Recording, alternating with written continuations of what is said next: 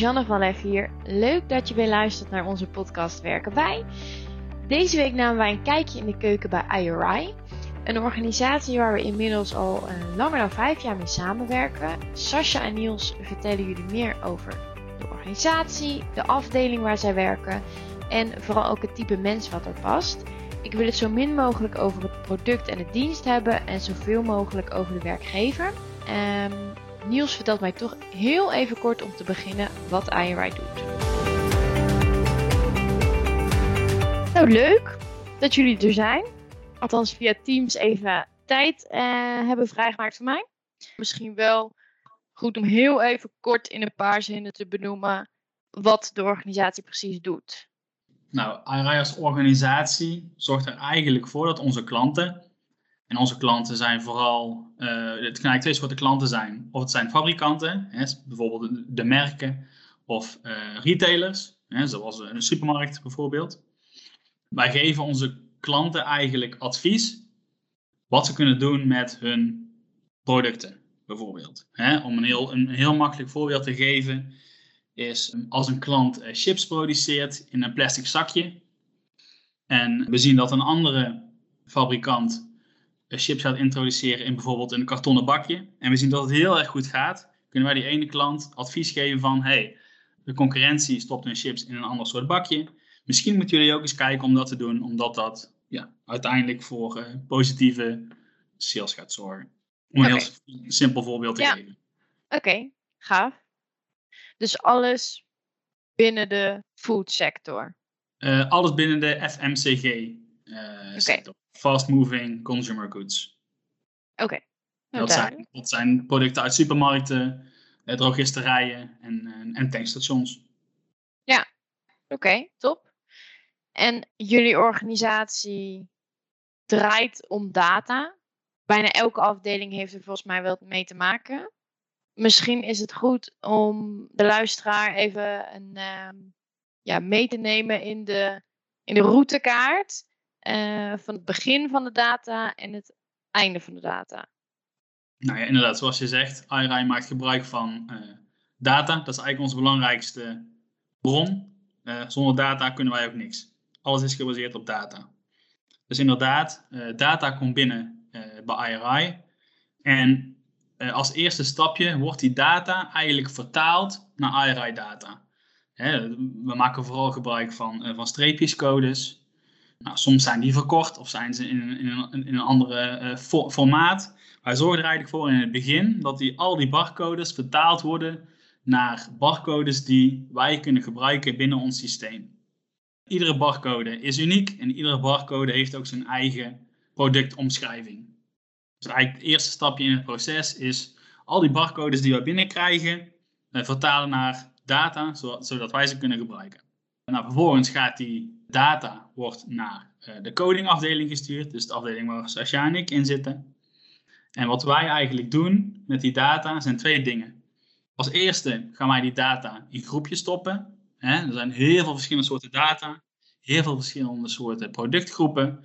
En de eerste wat we eigenlijk doen is al die barcodes eigenlijk groeperen in groepjes. Bijvoorbeeld we hebben een, eh, een, een, een uh, frisdranken, KeyCat of groepje. We hebben een uh, shampoo groepje. We hebben nou, een tandenpasta groepje. Heel veel verschillende groepen. En die gaan we verdelen. Wat wij daarna doen, dan gaan we uh, de producten voorzien van attribuutinformatie. Dus als het ware gaan we ieder product ontleden. We gaan kijken, oké, wat is dit voor het product? Wat voor merk heeft het product? Wat voor smaak en wat voor soort verpakking zit het? Uh, hoeveel weegt het? Hoeveel producten zitten erin? Uh, nou, echt heel erg veel soorten attributen gaan we eigenlijk koppelen aan, aan die producten. Ja. En hoe kom je aan die informatie? Nou, meestal zoeken we ze op internet. Dus barcodes zijn uh, officiële barcodes, vaak terug te vinden op internet. Uh, niet altijd. Mocht het niet zo zijn, hebben we ook uitgebreide productinformatie, dus productomschrijvingen die we kunnen gebruiken om het juiste uh, product te traceren. Daarnaast hebben we ook nog een fieldafdeling. En dat, dat is een afdeling die eigenlijk supermarkten ingaat om foto's te nemen van producten waarvan wij eigenlijk de informatie missen. Ja, oké. Dus je gaat speuren ja. op het web of ja, je schakelt je collega's in. Oké, dan staat die data, uh, als het goed is, helemaal compleet in het systeem. Wat gebeurt er dan?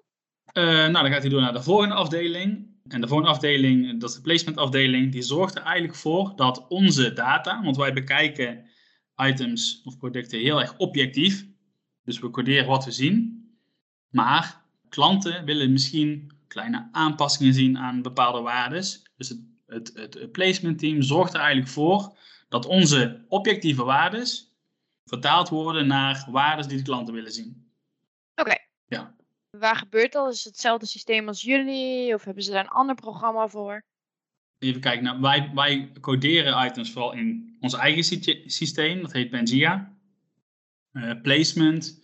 Die, ja goed, we hebben verschillende placement methodes. De ene maakt inderdaad ook gebruik van Pangea. Maar een andere maakt gebruik van een ander model. Dus daar zitten wel verschillen in per uh, model, zeg maar. Oké, en dan is het aangepast naar de wens van de klant. Wat gebeurt er mhm. dan met die data? Uh, dat wordt naar de klant gestuurd. Dus de klant gaat kijken uh, naar de data. Af en toe krijgen we ook feedback erop, dat ze niet ergens, ergens niet helemaal mee eens zijn.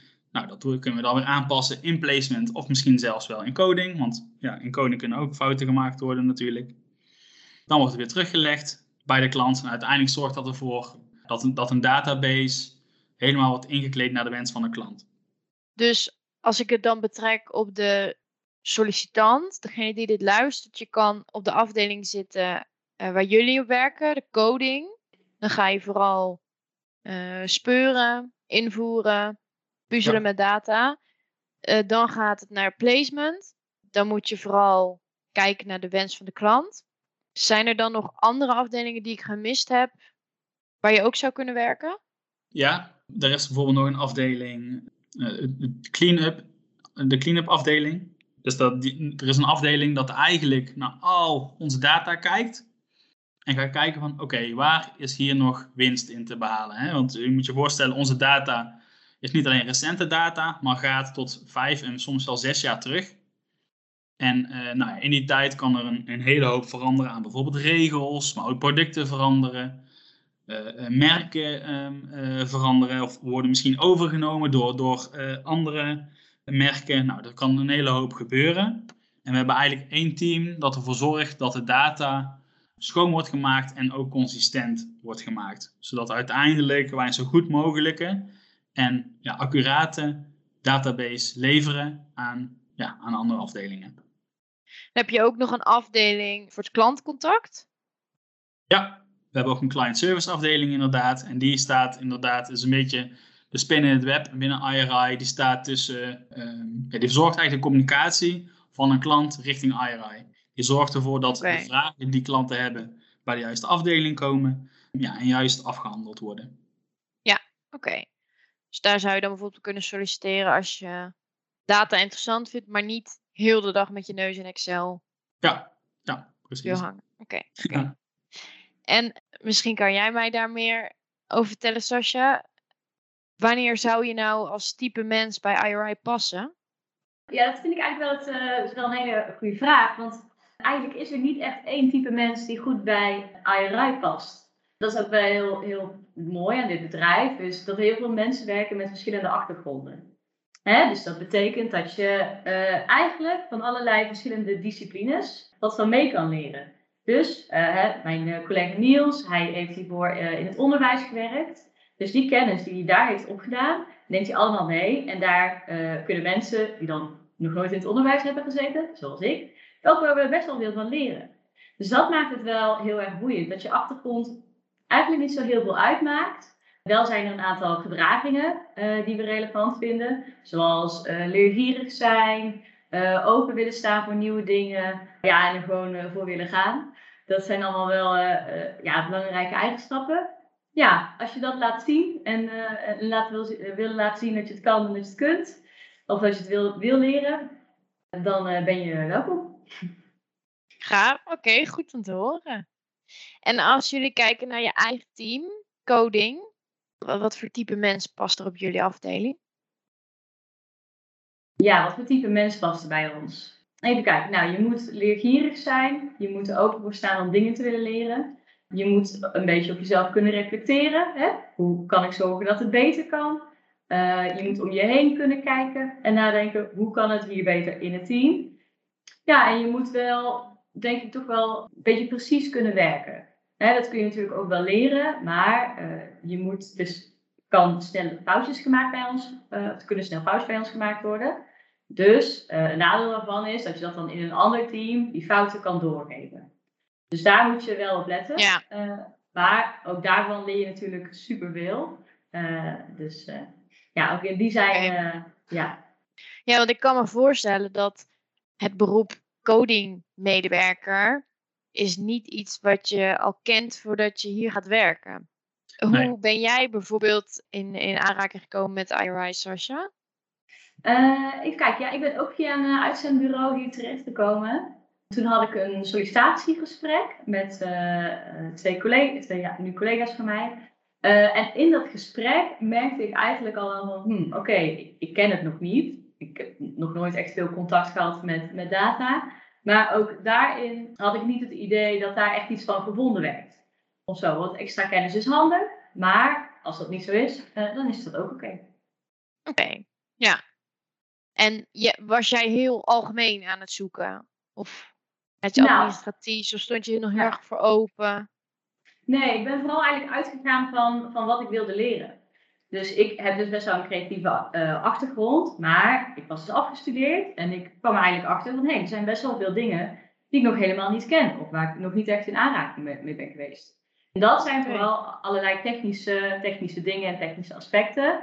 Uh, nou, dat, zijn, dat is eigenlijk wel heel, een hele prettige uh, plek daarvoor gevonden. Want Arise is wel een typische plek, denk ik. Waar je altijd bij terecht komt van... hé, hey, ik wil graag dit en dit leren. Of zus of zo.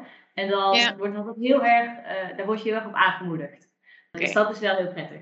Dus mijn insteek was vooral... ik wil gewoon technische dingen leren. En dat kon. Ja. En dat kan nog steeds. Een beetje de, de Pippi Langkous mindset. Ik heb het nog nooit gedaan, dus ik zou het wel kunnen. Ja, zoiets. Ja. Jij toegepast. Oké. Oké, okay, goed om te horen. En hoe is, hoe is jouw carrièrepad binnen IRI verlopen, Niels? Ik ben hier zes jaar geleden binnengekomen. En eigenlijk had IRI best wel veel raakvlakken met waar ik voorheen heb gewerkt. Ik heb voorheen altijd in de supermarkt gewerkt. Nou ja, daar ben je natuurlijk heel veel bezig met producten. Nou, en in, de, in de vacature voor uh, codingmedewerker kwam dat ook naar voren dat je dagelijks bezig bent met producten uit supermarkten. Nou, dat was eigenlijk het draagvlak voor mij. Voor de rest ging ik er ook heel erg open in. En uh, nou ja, allemaal goed gegaan. Dus zes jaar geleden ben ik hier begonnen in een codingafdeling als, ja, als coding, codingmedewerker. En na uh, anderhalf jaar ben ik teamleider geworden van het UK Coding Team. En dat ben ik nog steeds. Oké, okay, gaaf. Ja. Ja, en hoe zouden jullie de, de, de mogelijkheden om door te groeien of in de breedte, breedte, diepte, hoogte, noem het maar op, gewoon binnen de organisatie uh, rondom je heen kijken. Hoe zou je die omschrijven um, tegenover de luisteraar die denkt, ik weet nog niet wat ik wil? Nou, ik denk dat er heel veel mogelijkheden zijn tot, uh, tot doorgroeien binnen IRI. Een voorbeeld is Sascha bijvoorbeeld. Die is niet begonnen in het codingteam, maar in een ander team. En is eigenlijk doorgegroeid naar het codingteam. Um, nou is het wel zo dat eh, we binnen IRI wel altijd een, een soort van, uh, ja, hoe moet je dat noemen, basis. Laat ik het anders zeggen. Als je, als je bij je coding begint, duurt het best wel lang. Want zoals je net zei, het is niet iets wat je ergens kan leren, waar een studie voor is. Het duurt best nee. lang voordat je dit allemaal onder de knie hebt. Ja. Dus als je op zoek bent naar een functie en je wil na een half jaar doorgroeien, nou, dat zal waarschijnlijk niet gebeuren we streven er altijd wel naar dat ongeveer twee jaar, uh, als je ongeveer twee jaar bij een afdeling zit, voordat je iets, over, uh, voordat je onder de knie hebt, duurt al meestal een maand of zes.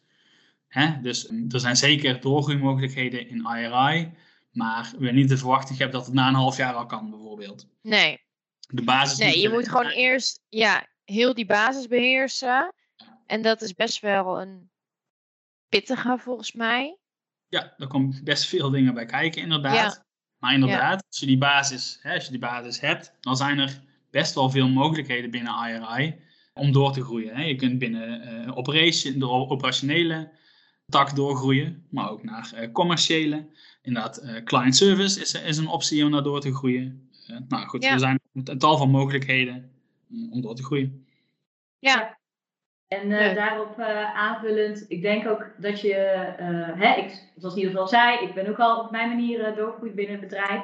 Dus ja, ik vind het dat heel fijn. het enige wat je hoeft te doen is, je moet er open over zijn. Wat je wil en wat je wil leren. En het maakt ook wel interessant aan het bedrijf, want die dynamiek die ontstaat, omdat mensen ook door groeien, volgende stappen maken, in de breedte of inderdaad ja, de hoogte in, zeg maar, uh, geeft wel een interessante dynamiek. En vaak zie je ook dat mensen die al heel lang bij IRI werken en wat hogerop zijn, dat die zich ook wel, dat die vaak, niet altijd, maar vaak al heel lang bij IRI werken en ook gewoon aan de grond zijn begonnen. Uh, en dat is ja. best wel inspirerend. Ja. Ja, oh, dat snap ik. Ja, en dat heeft dan waarschijnlijk weer te maken met dat je die basis gewoon nodig hebt om de rest te kunnen begrijpen van de organisatie. Ja. Ja, oké. Oké, dus als ik hem dan samenvat, jij zegt uh, niet een specifiek type wat bij IRI past, maar leergierig zijn, ook kunnen reflecteren en vooral willen. Ja, dus die motivatie echt intrinsiek hebben in plaats van dat er iemand jou elke keer vertelt wat er vandaag op je to-do-list uh, staat, zeg maar. En, en zou je nog zeggen dat er specifieke, ja, specifieke dingen zijn waarbij je zelf kan testen van oké, heb ik dat ja of nee? En dan bedoel ik meer, kijk, iedereen kan natuurlijk leergierig zijn en ervoor willen gaan. Maar ik denk niet dat iedereen een datarol passend vindt. Hoe, hoe testen jullie dat? Ja, nou, ik denk sowieso dat als je al naar deze podcast luistert, dat je dan al een oprechte interesse hebt. Omdat je dan e-, nog extra de moeite neemt om jezelf goed in te lichten. Uh, dus, dus dat kun je denk ik zelf altijd wel meten van ja, hoe, hoe, lees ik me in? Hoe bereid ik me voor? En ik denk ook dat het wel prettig is als je van uh, structuur houdt. Omdat we in dit bedrijf ook heel erg met ja, een vaste cycle werken. Dus de, de data komt binnen en dan komt die van, gaat hij van team naar team team. En in de meeste gevallen is het zo dat je dus ook in een maandelijkse of wekelijkse cycle werkt. Ah, oké. Nou, dat is een hele goede toevoeging nog. Ja, dus dat moet je het prettig vinden. Oké. Helemaal goed. Hebben jullie tot slot nog iets wat je eh, de luisteraar mee wil geven aan het eind van deze podcast? Dus je hebt al deze informatie over IRI. Wat willen jullie nog een toevoeging doen? Wil jij eerst, Niels? Ik zou nog even denken. Nou, dan ga ik even in de tijd. Ik uh, denk dat het, dat het goed is om, als je de vacature ziet of je ziet het bedrijf, uh, je vooral niet te laten te intimideren. Omdat je misschien denkt, oeh, daar zitten wel een hoop, een hoop hele slimme technische mensen zitten. Uh, er zitten zeker slimme en hele technische mensen bij ons in het bedrijf. Maar er zitten ook beginners tussen, of mensen die nog nooit hè, echt met data hebben gewerkt voorheen. Dus laat je niet intimideren. Want wij zijn echt wel een bedrijf die heel veel waarde hecht aan verschillende soorten input. Hè? Dus als je een aparte achtergrond hebt. Ja, dat vooral. Ja. ja. Dus ook naar een studie geschiedenis kan je bijvoorbeeld denken: oh, data is echt mijn ding. Daar, daar, jullie kijken verder dan dat. Ja, meer dan welkom ja. Ja, absoluut. Oké, okay. goed om te horen. Jij nog een toevoeging, Niels? Ja, en zelfs als je nog geen affiniteit met data hebt, want eigenlijk had ik dat ook niet met data aan zich ja goed, dan kun je hier ook gewoon uh, aan de bak komen hoor. Het is niet zo dat je echt al uh, in de data hebt moeten zitten uh, om hier aan de slag te kunnen. Ieder team hier heeft een heel mooi trainingsplatform wat we gebruiken om ja, langzaam kennis te laten maken met de taken, maar inderdaad ook de data. Dus ehm, mocht je nog geen ervaring hebben met data, dan moet je dat niet tegenhouden om hierop te reageren. Nee, gewoon het gesprek aangaan. Yes. Dank jullie wel, jongens. Graag gedaan. Graag gedaan. Dit was hem alweer. Leuk dat je hebt geluisterd. Ik hoop dat je door Niels en Sascha een beter beeld hebt gekregen van de organisatie IRI. Denk je nou, gaaf, daar zou ik wel willen werken? Je kan solliciteren via onze webpagina of even bellen, mailen of appen. En ik zie je graag een volgende keer weer terug.